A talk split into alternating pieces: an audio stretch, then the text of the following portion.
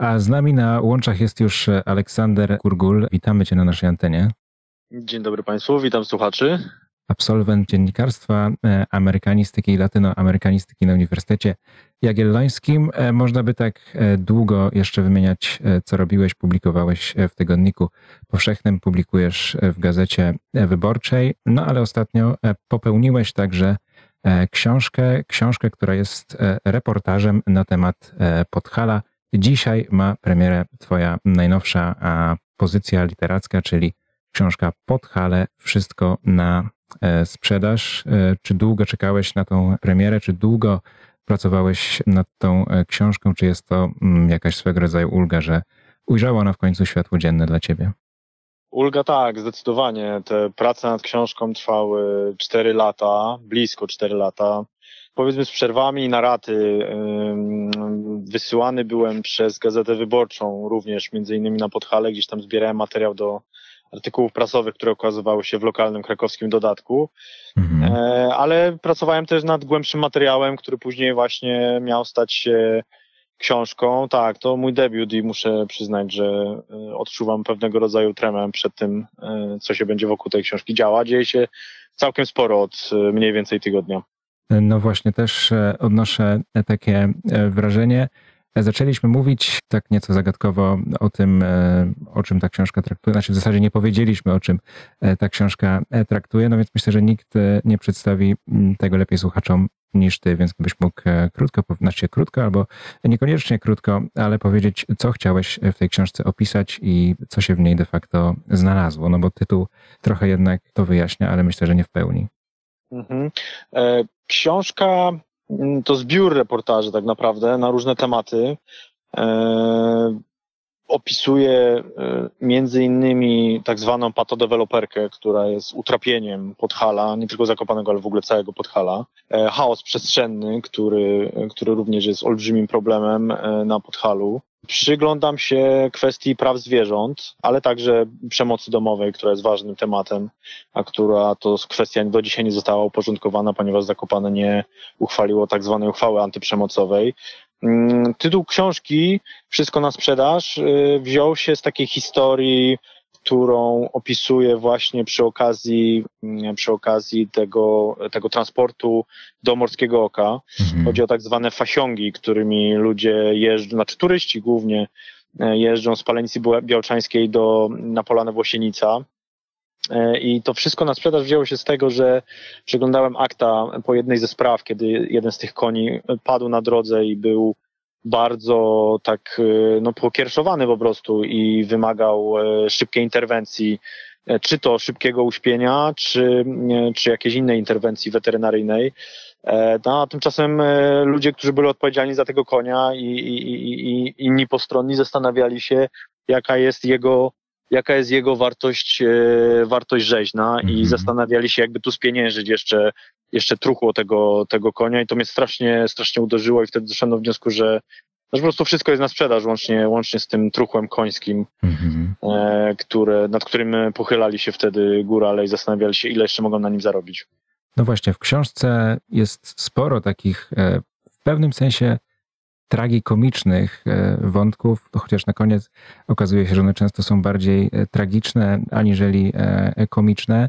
No i mam wrażenie, że jednak ty stajesz tutaj w takiej pozycji, w której bronisz tych mieszkańców Zakopanego, którzy, którym zależy na, na kształcie swojego miasta, którzy nie do końca zgadzają się z tym, jak ono wygląda i ta krytyka tego wszystkiego, co tam nie idzie zbyt dobrze jest z twojej strony dosyć e, silna i nie odnoszę właśnie wrażenia czytając tą książkę, żebyś przesadnie no, naśmiewał się z tego i żeby było ci do śmiechu, widząc to wszystko, co się tam dzieje. Bo mówiąc szczerze, nie jest mi do śmiechu. Wiesz, ten, e, ten żart, e, taki wyświechtany żart, który krąży w całej Polsce, że na Podhalu prawo budowlane się nie przyjęło, mhm. on zaczyna mnie nie tylko żenować, ale wręcz mierzić, no bo w ostatnich latach mieliśmy przez samowolę budowlaną zginęły dwie osoby e, w Bukowinie Tatrzańskiej.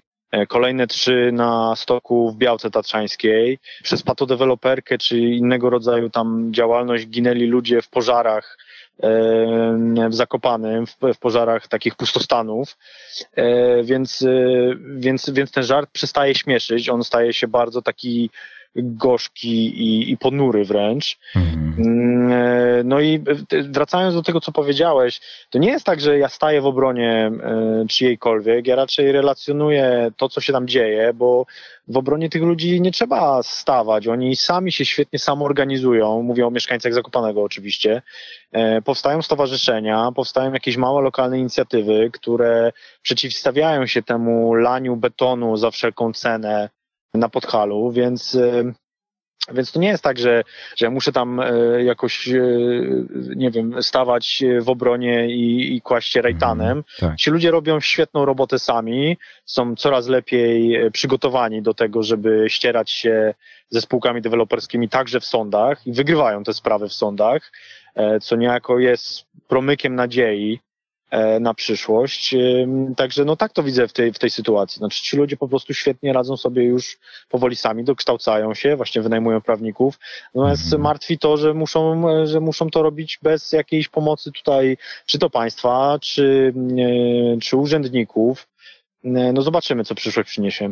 No właśnie, opisałeś w swojej książce dosyć sporo takich e, oddolnych inicjatyw, E, mieszkańców e, Zakopanego, e, wiele różnych organizacji, wiele różnych alarmów, które próbują się zmagać z tymi zjawiskami, o których powiedziałeś, czyli przede wszystkim patodeweloperka, wykorzystywanie zwierząt, ale także te często pojawiające się w lecie i nie tylko w lecie pożary w Zakopanem. Ja tylko zastanawiam się, na ile ta społeczność zakopiańska, którą podejrzewam, że jednak miałeś okazję trochę wniknąć, musi walczyć sama ze sobą, a na ile ze światem zewnętrznym. Teraz zastanawiam się, na ile to jest e, konflikt wewnątrz tej społeczności, gdzie część jej pragnie zachować zakopane w tym e, statusie quo, który, który od lat już e, istnieje, a część jednak się na niego nie zgadza, a na ile ta mhm. społeczność jakby próbuje z tym światem zewnętrznym deweloperów się przykładowo zmierzyć. Żeby odpowiedzieć na Twoje pytanie, musiałbym nakreślić pewnego rodzaju mapę, w której jest wielu aktorów, bo to nie jest tak, że jest ktoś tylko dobry albo ktoś tylko zły i ktoś z zewnątrz albo ktoś ze środka. Są różni aktorzy, są spółki deweloperskie z całej Polski, które inwestują potężne pieniądze, e, starając się wycisnąć e, miliony z tych, e, z tych parceli zakopiańskich czy w ogóle podhalańskich ale są też lokalne, lokalni jakiś mniejsi, jacyś mniejsi deweloperzy. E, są górale, którzy no, za nic mają już e, tak zwaną ojcowiznę. Wystarczy tylko zabrzęczeć odpowiednią kwotą e, pieniędzy, żeby, żeby sprzedali tą ojcowiznę. Są architekci, do których kierują swoje pretensje mieszkańcy miasta, że, mm, że ci architekci dają się ponieść fantazji mhm. E, pod dyktando deweloperskie, rzecz jasna, i projektują te szklano-betonowo-stalowe apartamentowce czy hotele molochy zupełnie nieprzystające do, do tej takiej e, zakopiańskiej e, architektury w stylu zakopiańskim. Są jakieś małe lokalne stowarzyszenia, które wspierają tych mieszkańców. E, są, tak jak wspomniałeś wcześniej, aktywiści, nie wiem, związani z alarmem smogowym, którzy z tak. kolei dbają o czystość powietrza na Podhalu. Więc tych aktorów jest, jest bardzo dużo. Wydaje mi się, że może być ich w przyszłości coraz więcej. Sam jestem ciekaw, w jaką stronę się to rozwinie. Czyli ta społeczność jest dosyć dosyć jednak złożona, czemu trudno się dziwić, ale ja mam wrażenie, że to bogactwo i ten przepych Zakopanego, co jednak też w swojej książce opisałeś, to nie jest wcale tak, jak mogłoby się nam wydawać coś e, nowego, coś, co powstało dopiero w latach 90., no bo w tym mieście ten kapitał e, gromadził się de facto już od e, jakichś lat 50. czy 60., kiedy to mnóstwo, no nazwijmy, nazwijmy ich góralami, przysyłało pieniądze ze Stanów Zjednoczonych, stawiało różne, ogromne, też już wtedy dziwne konstrukcje, więc mam wrażenie, że to jest taka machina, która w tym miejscu funkcjonuje o wiele dłużej niż nam się wydaje i może być e, z tego również powodu trudno ją stamtąd wyplewić. Tak, to znaczy tu masz absolutnie rację. Ta machina się rozpędza w zasadzie od lat 50. E, i strumień pieniędzy płynie z różnych miejsc. Jednym z nich jest oczywiście również źródełko amerykańskie. Te silne kontakty górali, którzy emigrowali za chlebem do Stanów Zjednoczonych jeszcze przed wojną, no powoduje, że, że oni do dzisiaj mają silne kontakty ze swoimi rodzinami za granicą, jeżdżą, mhm. jeździli tam przez cały okres PRL-u, żeby pracować na jakichś budowach czy, czy w, innych, w innych miejscach i przywozili te pieniądze, które sami później inwestowali, ale napływały też pieniądze e, z innych miejsc, bo Zakopane było zawsze takim tyglem e, kulturopolitycznym, tak naprawdę elity nie tylko kulturowe, e, kulturalne, przepraszam, ale też polityczne ciągnęły do Zakopanego i przed wojną, i, i za czasów komunistycznych. To, o czym ty mówisz, e, opisywali również e, agenci e, służby bezpieczeństwa, mhm. przeglądając raporty bezpieki w IPN-ie, tam jasno przeglądałem te raporty i widziałem tam jasno podkreślone, że, że jednym ze zmartwień jest to, że właśnie pojawiają się nowi burżuazyjni kapitaliści, którzy mhm. przywożą gotówkę do Zakopanego i i stawiają właśnie e, nowe budynki. E, no, takim budynkiem, chociaż może nie związanym z inwestycjami, ale takim, który na szeroko się rozpisuje, jest słynna samowola na, na Gubałówce, którą akurat była kapliczka, ale tam przy okazji czytania akt do tej kapliczki na Gubałówce przeczytałem bardzo ciekawą rzecz, a mianowicie, że górale planowali kolejne inwestycje, które też miały być samowalami budowlanymi i już w kosztorysie tych inwestycji zakładali, że zapłacą kary za, za tą samowolę, więc, więc takie ciekawe zjawisko, które pokazywało właśnie jaki jest tok rozumowania mhm. e, górali, którzy chcieli zainwestować e, jakieś, nie tylko górali, ale w ogóle ludzi, którzy inwestowali na Podhalu.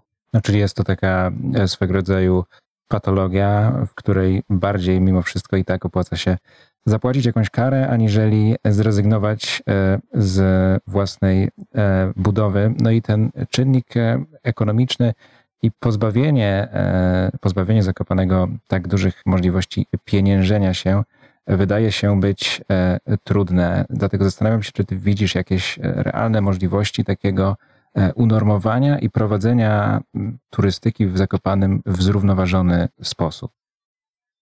Mówiąc szczerze, nie jestem optymistą.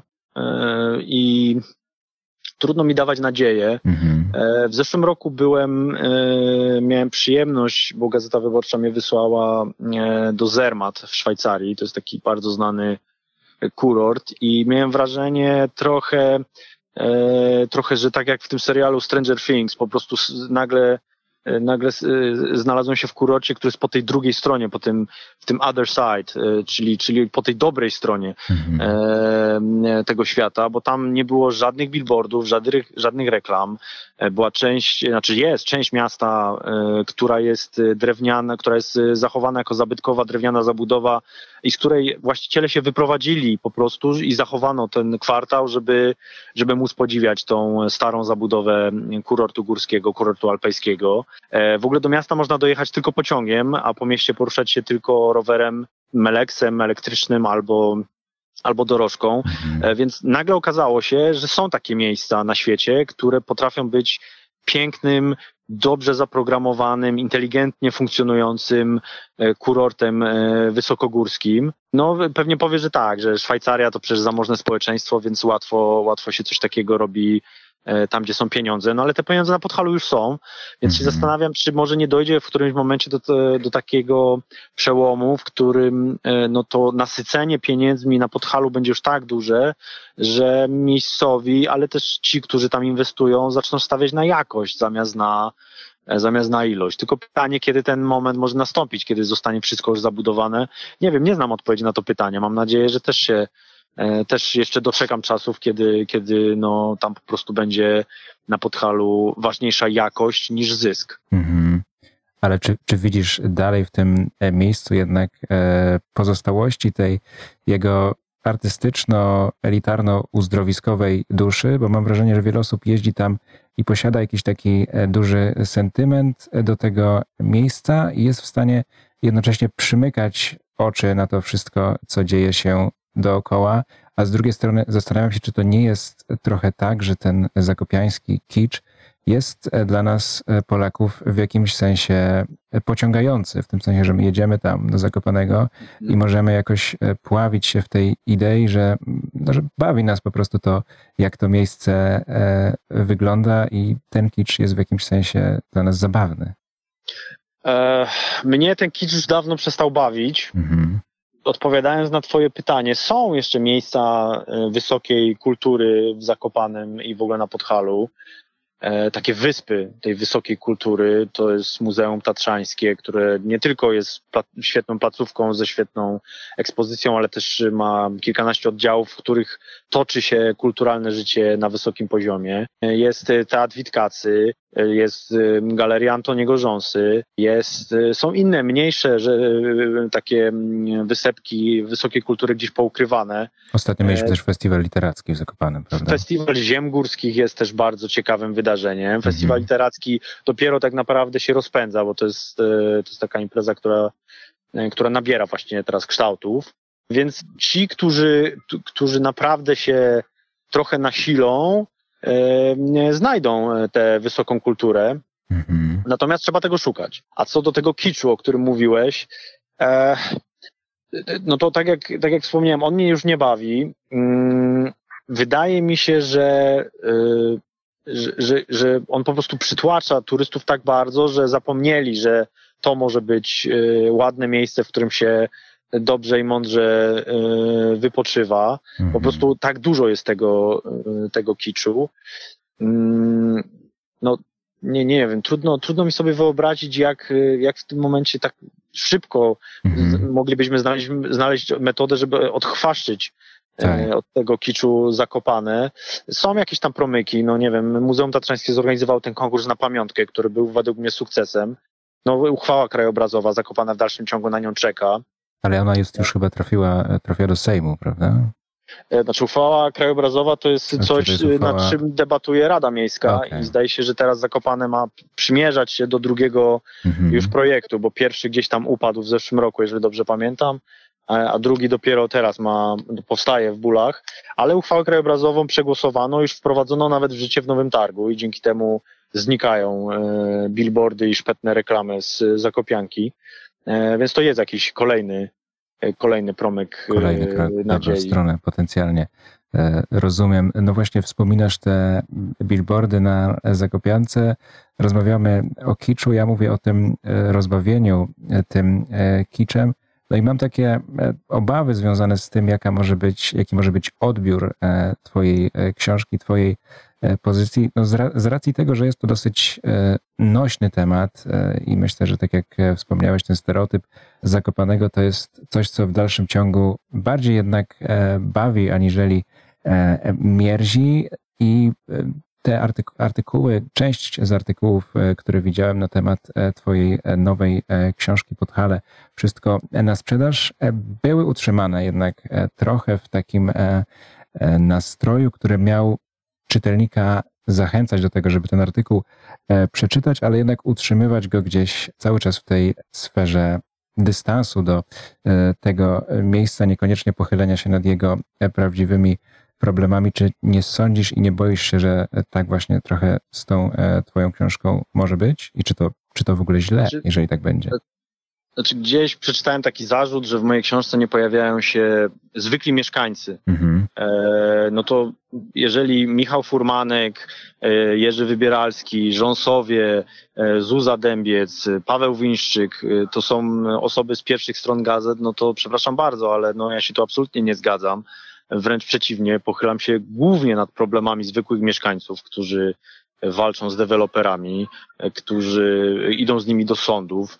To jest w tym momencie najważniejsza rzecz, którą, e, o którą walczą właśnie lokalni, zwykli, szarzy e, mieszkańcy. Czystość powietrza to jest kolejna rzecz. Przecież bohaterką mojej książki jest, jest Jola z podhalańskiego alarmu smogowego. Kolejnym bohaterem jest pan Komorowski, który wymienił ogrzewanie z kopcącego węglowego pieca na E, na geotermię, no to, to są zwykli ludzie, którzy no, nie są ani politykami, ani aktywistami, ani, znaczy może aktywistami trochę w swojej lokalnej skali, ale, ale to, nie są, to nie są politycy albo, albo jacyś e, celebryci, tylko, tylko zwykli mieszkańcy, więc się absolutnie nie zgadzam z tym, że ja się nie pochylam w książce nad problemami zwykłych mieszkańców Zakopanego, wręcz przeciwnie.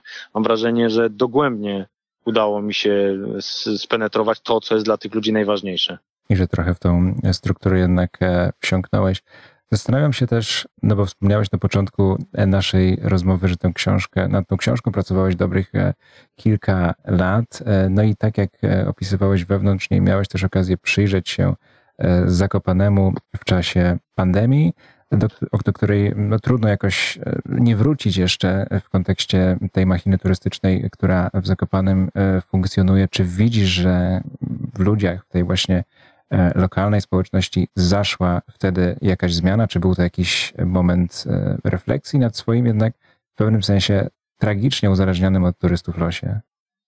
Znaczy, do tego nie ma wątpliwości. To, że na Podhalu eksplodowała ta inicjatywa tak zwanego weta, E, które sprzeciwiało się obostrzeniom nakładanym przez rząd na, e, na turystykę, w ogóle na całe społeczeństwo, ale którego efektem było ograniczenie turystyki, no to jest chyba najlepszy dowód, że, że ci ludzie są głęboko uzależnieni od ruchu turystycznego e, i, i masowej turystyki przyjazdowej. Jeszcze wracając do tego, do tego kiczu i do tego wszystkiego, o czym mówiliśmy przed chwilą, ja mam w ogóle wrażenie, że E, że Zakopane i Podhale to jest taki region, w którym, e, w którym mamy do czynienia ze wszystkimi najważniejszymi bolączkami polskiego kapitalizmu po 1989 roku. Mhm. E, I to są takie bolączki na sterydach po prostu. Że jeżeli coś jest problemem, to tam jest tym problemem dużo większym, bardziej wyolbrzymionym. No, właściwie najlepszym przykładem jest ta billboardoza E, wzdłuż Zakopianki. Znaczy, no, nie, nie znam drogi w Polsce, która byłaby bardziej oblepiona billboardami. Oczywiście nie mam danych statystycznych dla wszystkich dróg w Polsce, tak, ale tak. Sporo, sporo jeżdżę po kraju i nie przypominam sobie, żebym jechał drogą, która byłaby bardziej oblepiona billboardami niż, e, niż Zakopianka. Więc e, tak, no to jest chyba taka smutna puenta w ogóle z tych moich peregrynacji po, po Zakopanym, że to jest taki polski kapitalizm na sterydach. A, a jeszcze wracając, no tak, pracowałem nad książką 4 lata i tak uważam, że krótko, e, bo ci ludzie, z którymi się spotykałem, musimy pamiętać w ogóle e, społeczeństwo na Podhalu, zwłaszcza rody góralskie, to bardzo hermetyczne mhm. środowisko, do którego bardzo niełatwo się dostać. I, I właśnie tak jak mówię, no ten zarzut, że ja nie pochylam się nad problemami zwykłych mieszkańców jest absolutnie chybiony bo właśnie ci mieszkańcy, na przykład te biedne, maltretowane przez swoich mężów kobiety, e, no niewielu reporterom w Polsce udało się Dotrzeć. bezpośrednio z nimi porozmawiać mhm. i w ogóle przekonać do tego, żeby opowiedziało o swojej traumie. E, więc no, jeżeli ktoś e, uważa, że to nie są problemy zwykłych mieszkańców Podhala, no to przepraszam bardzo, ale co w takim razie jest większym problemem niż to, że ktoś tłucze żonę w zaciszu domowym? No, no tak, szczególnie, że Zakopane odrzuciło E, co też można przeczytać w Twojej książce, e, ustawę, konwencję antyprzemocową, prawda? Co też spotkało się jednak z dużymi e, protestami. Było też, tak jak to opisujesz, dowodem na mm, zażyłość tejże właśnie lokalnej społeczności. No w takim razie mm, wszyscy słuchacze będą mieli, będą mogli mieć okazję przekonać się o tym, czy rzeczywiście opisałeś e, problemy lokalnej społeczności, problemy lokalnych mieszkańców w swojej najnowszej książce Podhale. Wszystko na sprzedaż. Dzisiaj właśnie ma premierę miejsca, mm, ma, premierę, ma miejsce premiera tej nowej e, pozycji Aleksandra Gurgula. To, co ja bym chciał dodać jeszcze na koniec, jeżeli mogę coś powiedzieć na temat e, Twojej książki, no to zgadzam się z tymi słowami o tym, że jest to taka trochę E, soczewka naszego systemu. No i mnie najbardziej uderza ta, mm, ta bezradność, e, bezradność systemowa i taka właśnie małość tego pojedynczego człowieka, tych pojedynczych ludzi, którym, którym przydarza się tragedia mm, wobec tej wielkiej machiny, co pokazują myślę dobitnie właśnie te historie, gdzie no, jedna, jedna z kobiet zginęła pod bramą, czy gdy oderwała się E, wiata od e, jednej z budek na mm, Gubałówce. Tych tragicznych e, historii jest w książce więcej, więc myślę, że na koniec odnosi się, przynajmniej ja odniosłem takie dosyć gorzkie wrażenie po jej przeczytaniu. Dziękuję Ci bardzo za tę rozmowę. Naszym gościem był Aleksander Gurgul. Wspomnę jeszcze raz, autor swojej najnowszej książki Podhale. Wszystko na sprzedaż. Dziękujemy Ci bardzo za rozmowę. Bardzo dziękuję za zaproszenie do programu. Pozdrawiam wszystkich słuchaczy.